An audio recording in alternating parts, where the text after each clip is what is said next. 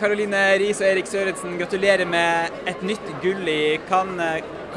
Gi oss eh, et lite jubelbrøl. Ja, Det er å komme på scenen. Ja, det er veldig gøy. Veldig gøy. Ja.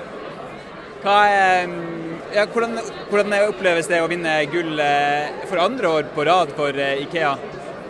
Det er helt fantastisk.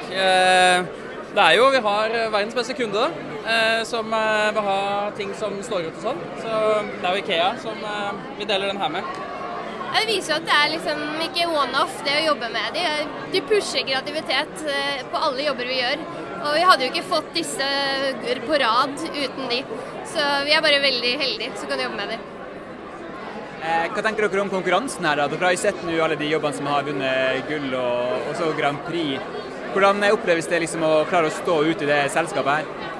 Nei, altså, vi er jo altså, Man blir kjempestolt. Eh, sånn som mange av de tingene som vinner her inne i dag. Sånn som Grand, vi snakket om det, Grand Prix utendørs. Helt fantastisk på British Airways.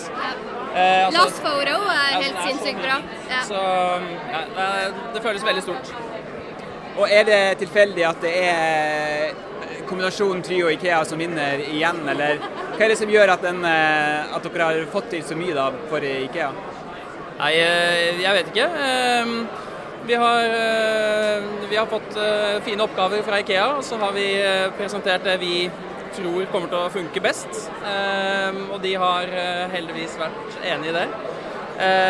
Nei, vi er det jo liksom det at det er, det er en ikonisk merkevare å jobbe med. Og når du da har et tillegg et lokalt kontor da, som får lov å gjøre egne ting i Norge, og kanskje pushe grensene litt ekstra i forhold til det kanskje det globale arbeidet gjør, så får man noen unike muligheter til å gjøre store, kule ting.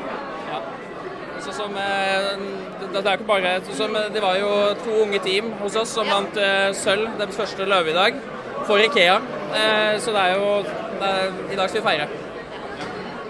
Eh, Ja, hvordan feirer man eh, gull og sølv, da? Vi får Med se. Det sier vi? Nei, vi sier det ikke, mener jeg. Nei, vi får se. Jeg er sliten i morgen, tror jeg. Eh, Vi gleder i hvert fall til resten av gjengen kommer, fordi det er mange fra Try som kommer i morgen, som også har vært med på denne jobben her. Så vi gleder oss til alle kommer samla ned, og så tar vi verste feiringa da.